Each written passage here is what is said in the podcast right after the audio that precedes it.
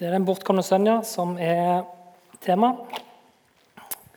Det er en lignelse som jeg tror er kjent for relativt mange. Men jeg tenker Hvis du ikke har hørt den lignelsen før, da har du i hvert fall noe å glede deg til i dag. Um, selv, om, selv om det er en lignelse som jeg har hørt sjøl mange ganger før, så er det noe med det at uh, det betyr ikke at jeg er ferdig med den. Uh, og Det er det som er så fint med, med, Bibelen, med Guds ord, at det vender ikke tomt tilbake. Selv om vi har lest noe før, så er det fortsatt levende. Og det er fortsatt mat for oss i det som står her. Um, det gjør det spennende å på nytt og på nytt dykke ned i Bibelen og se hva det er for oss. Jeg vil bare fortsette å be litt før vi går videre. Kjære far, takk for en ny lørdag. Takk for at vi får være samla her for et nytt møte med deg. Jeg ber om at du må åpenbare deg gjennom ditt ord vi som er her i dag. Amen.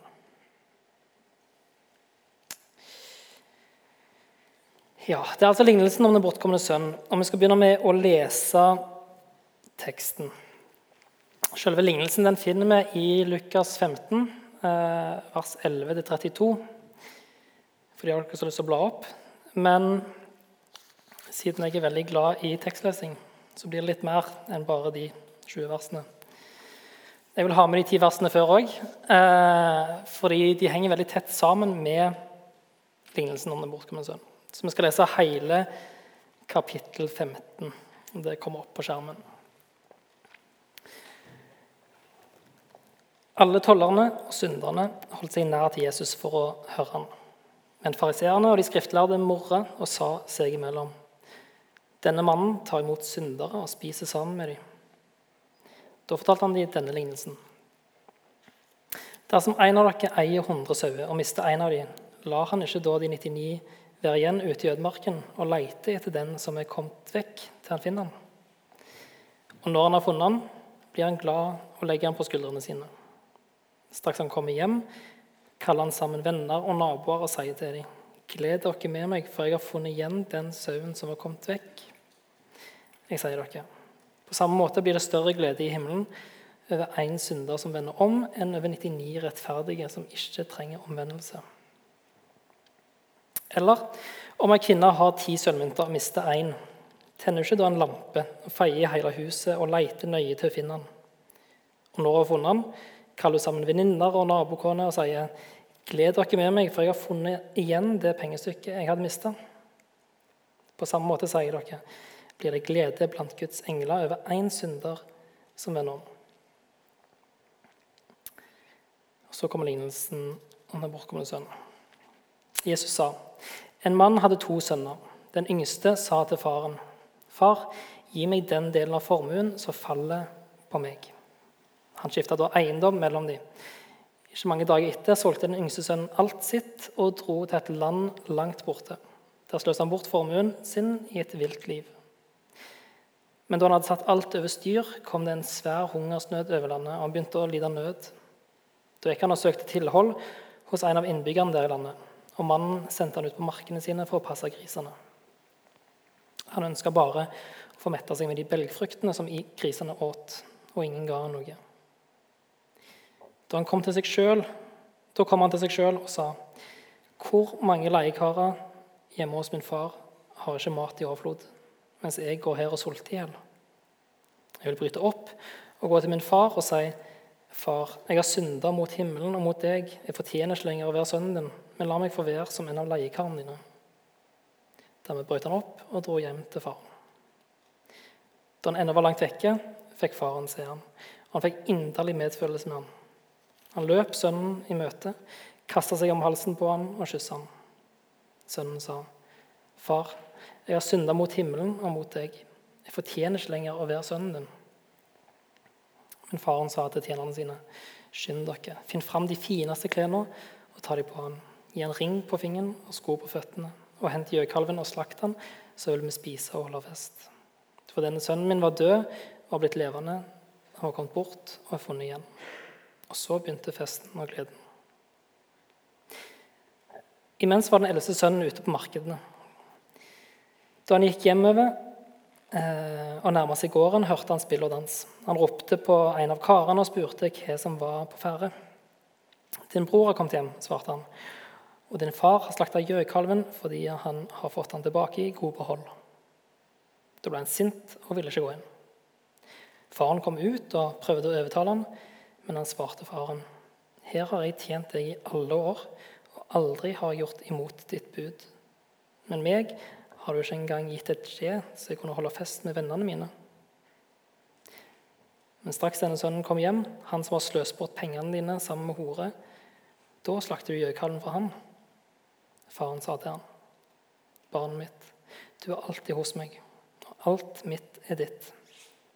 Men nå må vi holde fest og være glade, for denne broren din var død og blitt levende. Han var kommet bort og er funnet igjen.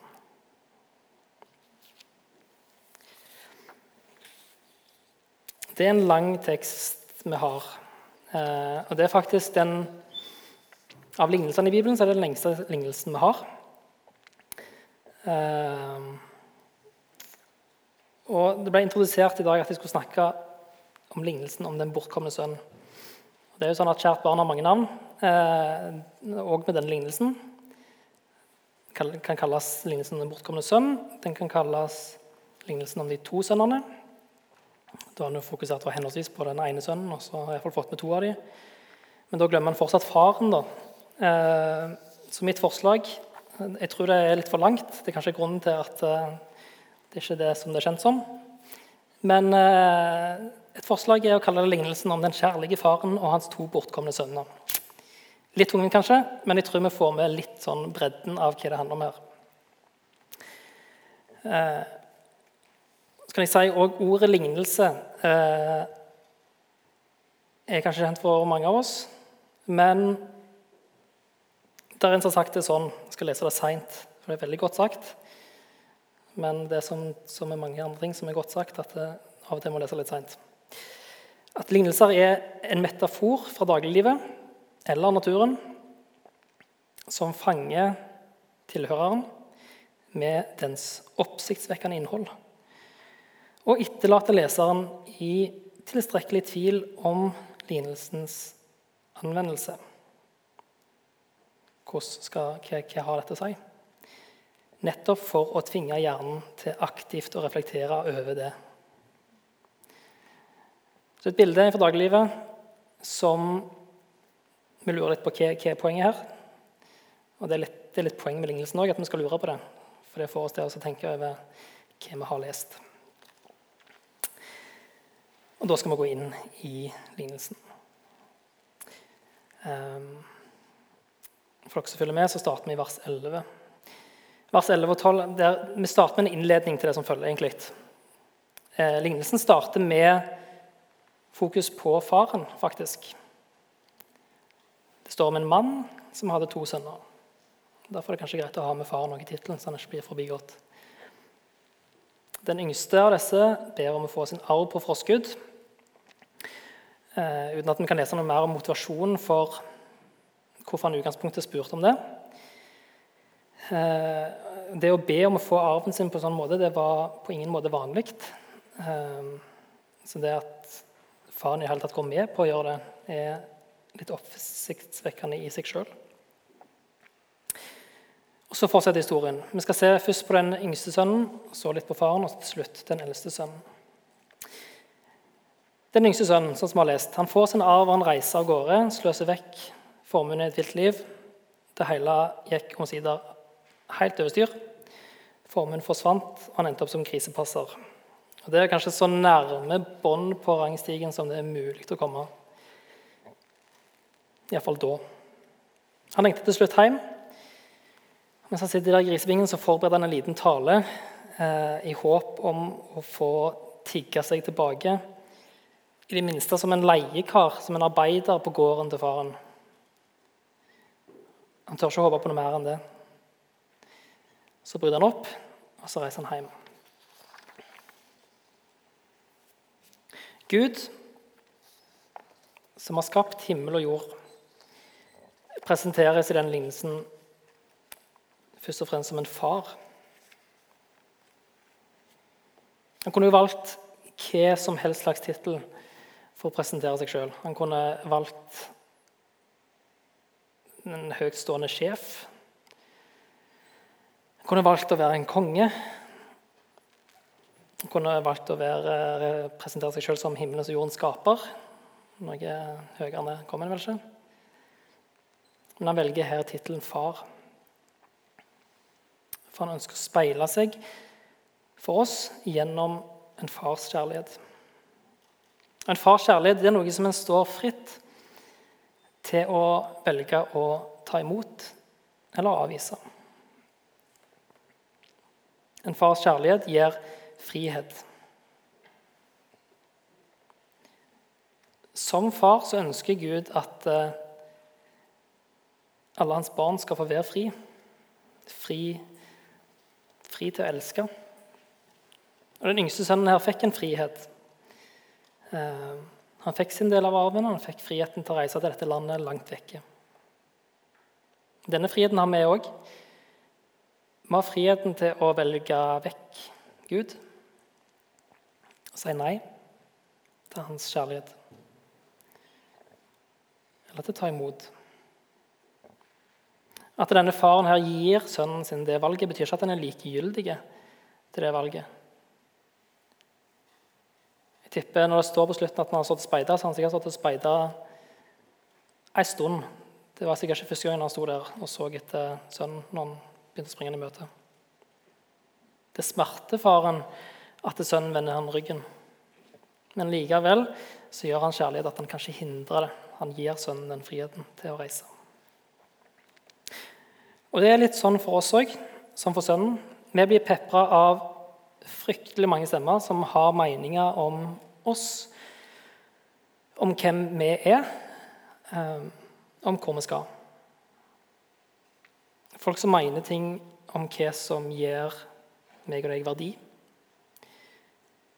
som prøver å overbevise om at veien til lykke i livet handler om å komme seg opp og fram i livet, skaffe seg et godt rykte, tjene penger, få en god, respektabel jobb, f.eks. Det er det som gir deg verdi, sier verden. Og I mylder av alle de stemmene så kan det være vanskelig å høre Guds stemme, som kaller på oss. Den farsstemmen som minner oss om at vi elsker uavhengig av hvilken anerkjennelse og oppnåelse vi har i verdensøyne.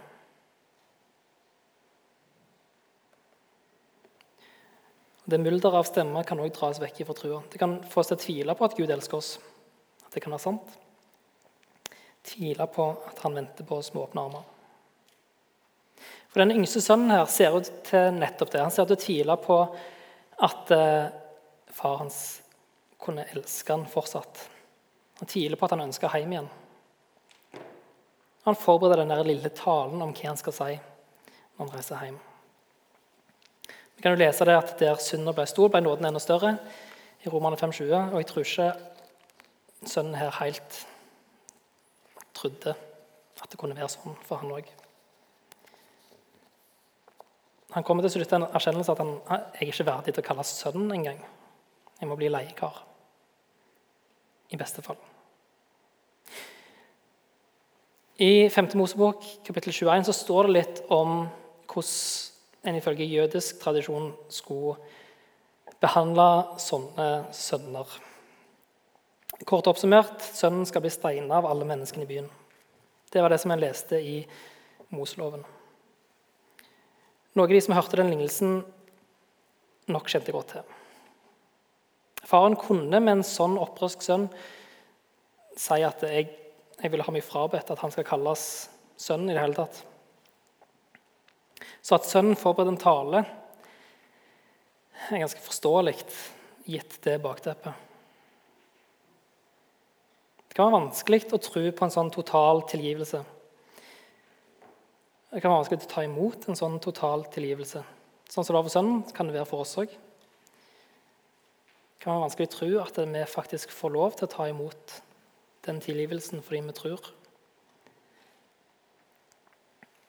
Det er så mye lettere for oss å prøve å ordne litt av det sjøl. Så det blir litt mer sånn samarbeidsprosjekt. Så kan en føle at en gjort seg litt mer fortjent til det, for en har bidratt litt. I hvert fall. Sånn er det ikke. Jeg tror det er en gjenkjennelig tanke for oss. Jeg tror det er en menneskelig tanke. Men så lenge vi prøver å ordne litt av den tilgivelsen og det oppgjøret sjøl, så ender vi opp med ufullstendige løsninger. Vi er ikke i stand til å ordne opp overfor Gud. Vi må ta imot den totale tilgivelsen. Det krever at vi lar Gud gjøre alt. Vi kommer til Han med vår synd. At vi kan få lov til å la Han ta hånd om hele helbredelsen av oss. Hele gjenreisningen og hele fornyelsen av oss.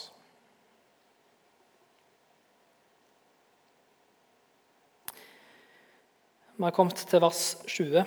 Vi skal litt videre og kikke på faren i denne lignelsen. Med lys i dette med at faren kunne ha seg frabedt å kalle han sin sønn. At han egentlig kunne ha bedt om å få sønnen Steinar. Så er det ganske stort å se hvordan han faktisk møter sønnen. Jeg tror det går litt sånn Det glipper litt for oss, den kulturelle skillet mellom oss og hvordan det var på den tida. Men det var faktisk realiteten. At det ville vært mer normalt at faren sier 'jeg vil ikke kalle deg min sønn', enn at han møter han med forsoning. Men han møter han, han får øye på han langt vekke, han får inderlig medfølelse med han, og han løper han i møte. Han kaster seg om halsen på han, og han kysser han. Og Sønnen har jo forberedt denne talen, som vi har vært inne på. Han begynner å legge fram den, eh, erkjenne sin synd. Men faren han er, han er så inderlig glad. Han er så ivrig etter å feire at sønnen har kommet tilbake at han kan nesten virke som han avbryter han midt i denne talen som han har forberedt. Han møter han med tilgivelse. Faren har lidd når han har vært hjemme pga. den kjærligheten han har til sin sønn. Så når han da kommer tilbake, så omfavner han ham med en uendelig godhet og miskunn. Han stiller ikke et eneste spørsmål til sønnen. Han irettesetter ikke en plass for hva han har gjort. Men han møter ham med tilgivelse og ønsker ham velkommen hjem igjen. Men så stopper han ikke der heller. Det blir nesten overdådig. Han klarer nesten ikke å vente med sønnen et nytt liv. Fornye han. Ikke bare tilgivelse, men det er fornyelse han møter han med.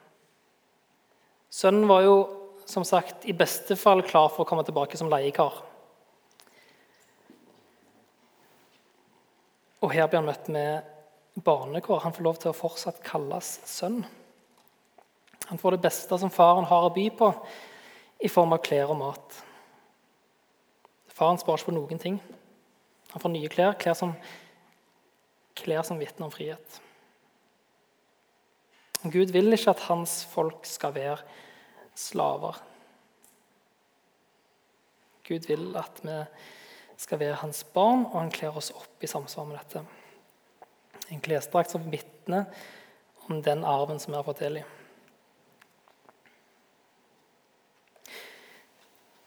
I alle disse tre lignelsene som vi har lest i kapittel 15, eh, der Jesus forklarer hvorfor han spiser sammen med syndere, så gleder Gud seg og ber andre glede seg med ham. Det er noe som går igjen. Det står for gjeteren sin del så sier gjeteren, 'Gled dere med meg, for jeg har funnet igjen den søvnen som var kommet vekk.'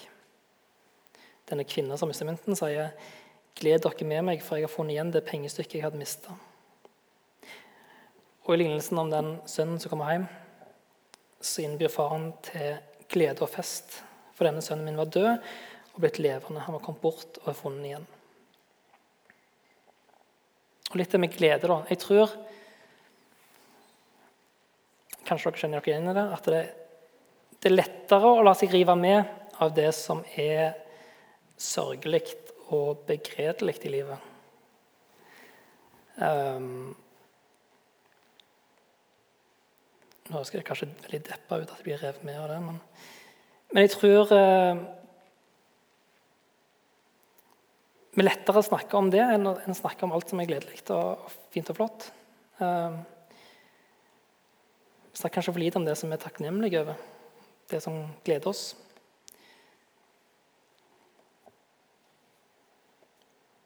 Kanskje det er lettere i kristne sammenhenger å være enige om hvor syndig en er, hvor vanskelig troslivet kan være, heller enn å snakke om noe stort som har skjedd i troslivet, noe stort som man har fått se sammen med Gud. Kanskje lettere å kritisere ting som ikke er sånn som en skulle ønske det var, hos andre eller i fellesskapet enn å takke for det som man har fått gjennom andre eller i fellesskapet. Nå sier jeg ikke at det ene er rett og det andre er galt, men jeg tror det er et perspektiv. Hvorfor er vi ofte min påstand, dårligere på å feire? For det er mange både små og store gleder som det er verdt å feire og glede seg over trenger ikke vente til alt er perfekt og godt før vi kan feire noe.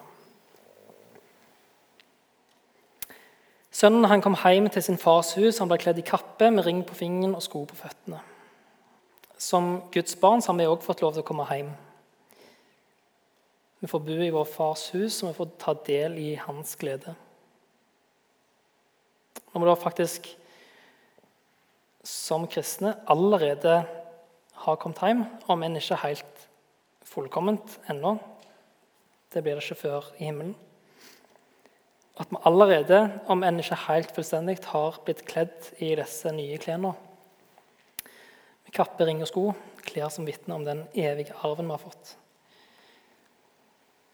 Så kan vi få lov til å legge ifra oss alt som verden sier om vår verdi. Vi kan få lov til å glede oss over det vi har fått del i, og glede oss over det håpet som venter oss i himmelen. Til slutt har vi kommet til den eldste sønnen, vers 25 og utover. Denne eldste, pliktoppfyllende sønnen som alltid har vært hjemme og jobba på gården til faren. Han kommer tilbake fra markene og hører at det der er spill og dans. Han roper til seg en av leiekarene, som ikke akkurat klarer å holde tilbake på begeistringen over hva som skjer. Han sier, 'Din bror har kommet hjem, og din far har slakta gjøkalven.' Den eldste sønnen blir sint og vil ikke gå inn. Lignelsen kunne jo fint ha stoppa før vi får møte den sure eldste sønnen. Da hadde det vært litt sånn lykkelig slutt, og alle var fornøyd. Men så har vi med den eldste sønnen òg. Verden er så full av målestokker som vi bruker til å måle oss sjøl opp mot, opp mot andre. Noe som i stor grad er bortkasta tid og krefter, men vi gjør det likevel. Som den eldste sønnen. Han blir fornærma, han blir sint. Han klarer ikke å ta del i gleden over lillebroren. Han sammenligner jo da sin innsats, som har vært der hele tida og stått på, sammenligne den med broren sin innsats. Nå har han stått på, liksom, og så kommer broren hjem. Og så blir gjøkalven slakta, til og med. Og så blir det fest, spill og dans. Og dette blir enda tydeligere som vi leser eh, lignelsen om arbeideren i vingården. Den finner vi i Matteus 20. En lignelse om eh, en jordeier som leier inn arbeidere på litt forskjellige tidspunkt på dagen. Eh, han henter inn noen som starter på morgenen, og noen som starter kanskje en halvtime før skiftet er slutt. Um, så de jobber ulik lengde, med andre ord. Når lønna skal deles ut på slutten av dagen, så starter da jordeieren med å lønne de siste som kom. De som kommer kvarter før stengetid. Starter med de, og så jobber han seg bakover helt til de som, som var der tidlig på morgenen. Og alle får lik lønn. Alle får én denar hver. Hele gjengen. Hvorfor gir han lik lønn til de som har arbeidet hele dagen, som til de som bare jobber en halvtime? Og Det er jo litt det som den eldste sønnen i lignelsen vår òg lurer litt på. da. Hvorfor, hvorfor er det sånn? Og denne jordeieren, og Hvorfor kunne han ikke i fall starte med å betale de som hadde jobba hele dagen? For Da kunne de få pengene sine, og så kunne de stikke, og så fikk de ikke med seg hva som skjedde med de andre etterpå. Så hadde de fått sluppet å bli bitre over det. Men jordeieren han ville at de arbeiderne som hadde jobba lengst, skulle glede seg over hans godhet mot de som kom seint. De som har jobba hele dagen, de må jo kunne være takknemlige for at eh, de òg får jobbe for en så god jordeier som er så snill mot de som kom sist. En som er så god mot de som kommer seint. Gud han er ikke en som sammenligner oss med hverandre. Selv om vi gjør det, så gjør ikke Gud det. Denne lignelsen med den bortkomne sønnen viser nettopp det. Gud sammenligner ikke. Gud ser på sitt folk som barn i en familie, eh, der han er glad for at de som bare har gjort litt, er like mye elska som de som oppnår mye. Hvis vi er i stand til å se på denne verden gjennom Guds øyne, vil vi se Han som en altoppofrende og en tilgivende far. En far som ikke måler opp kjærligheten til barna sine alt etter hvordan de presterer, og hvordan de har oppført seg. Hvis vi oppdager det, hvis vi for alvor oppdager det, så ser vi at det er ikke noe annet vi kan komme med av respons enn takknemlighet.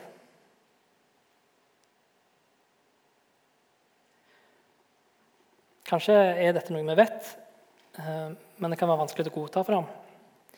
For det er så radikalt annerledes enn hvordan verden fungerer. Og Det er jo sant i den lignelsen at faren er glad for den yngste sønnens innkomst, men han har likevel ikke glemt ut den eldste sønnen. Han tar ikke den eldste sønnen for gitt. Altså, det står der at Gleden var så stor at han klarte nesten ikke vente med å, å starte den festen. Sant? så han får gang på det med en gang. Men likevel, så snart han får høre at den eldste sønnen er tilbake fra marka, så forlater han festen. Går ut til han, og han prøver å overtale han til å komme inn og bli med. For Faren vil at begge sønnene skal sitte til bords med han og ta del i gleden. Den yngste sønnen han lot seg bli omfavna av faren. Han lot seg bli tilgitt uten sjøl å legge til noe. Den eldste broren holder seg heller kanskje litt i bakgrunnen, observerer det som skjer. Har ikke lyst til å være med og feire. Han er sint over måten faren har tatt imot broren sin på. I motsetning til den yngste sønnen så er han ikke klar for den omfavnelsen fra faren. Han er ikke klar for å slippe seg sjøl oppi dette. Han klarer ikke da heller glede seg over sin bror. I alle disse tre lignelsene som vi leste i kapittel 15, så poengterer Jesus Guds initiativ. Gud er gjeteren som leter etter sauene som har kommet bort. Gud er kvinna som tenner en lampe, feier hele huset og leter nøye til hun finner mynten. Og Gud er faren som venter på barna, som løper ut for å møte dem, som omfavner dem, som bønnefaller og trygler dem om å komme hjem. Og Her er litt det som har vært inne på tidligere, at faren sin kjærlighet den tvinger seg ikke på. Selv om Gud inderlig ønsker at alle skal bli frelst og lære han å kjenne, så tvinger han seg ikke på. Vi har frihet til å velge å bli i mørket og gå fortapt som konsekvens. Eller vi har frihet til å ta imot tilgivelsen og trene i lyset. I den omfavnelsen som faren møter oss med. Og Det er det fine med faren sin respons òg her. Han responderer på den eldste sønnen sine anklager med det følgende. Først sier han, 'Barnet mitt, det er ikke bare sånn fakta at det var hans barn, men det er en måte å adressere folk på som det ligger veldig mye kjærlighet i. Det er en kjærlig tiltale. 'Barnet mitt', så sier han, 'Du er alltid hos meg, og alt mitt er ditt'. Heller ikke her så kommenterer faren hvordan den eldste sønnen har oppført seg. Sånn som han heller ikke gjorde med broren sin. Han møter bare den eldste sønnen med 'Du er alltid hos meg, og alt mitt er ditt'. Det å bo i fars hus krever at vi gjør vår fars liv til vårt eget, og at vi blir omskapt i hans bilde. Og Det er noe som skjer når vi blir døpt. Og det skjer gjennom at vi daglig vender oss om.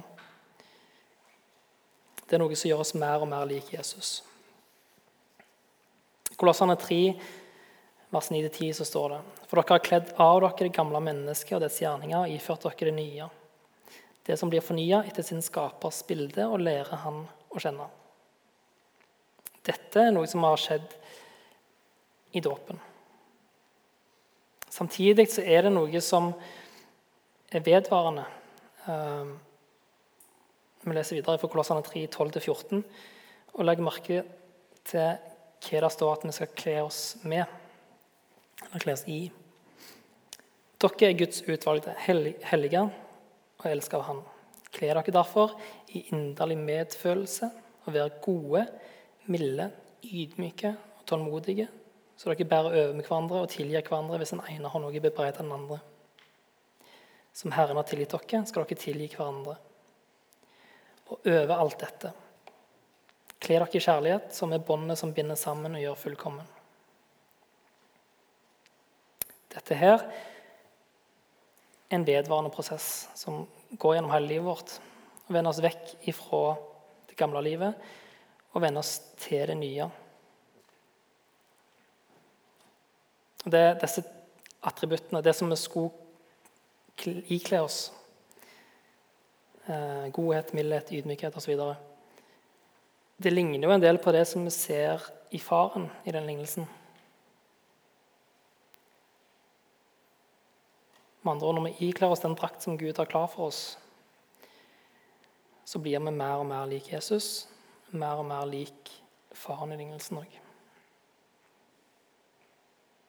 Bare be til slutt. Kjære far, takk for at du møter oss med åpne armer. Jeg ber om at du alltid må få la oss høre din stemme, selv om det er mange andre stemmer i verden som roper mot oss. Jeg ber om at vi får høre deg. Jeg ber om at eh, vi må få se mer av den farskjærligheten som du har til oss. At vi kan få leve i den, og at vi kan få vokse i trua på deg og bli mer og mer lik deg. Amen.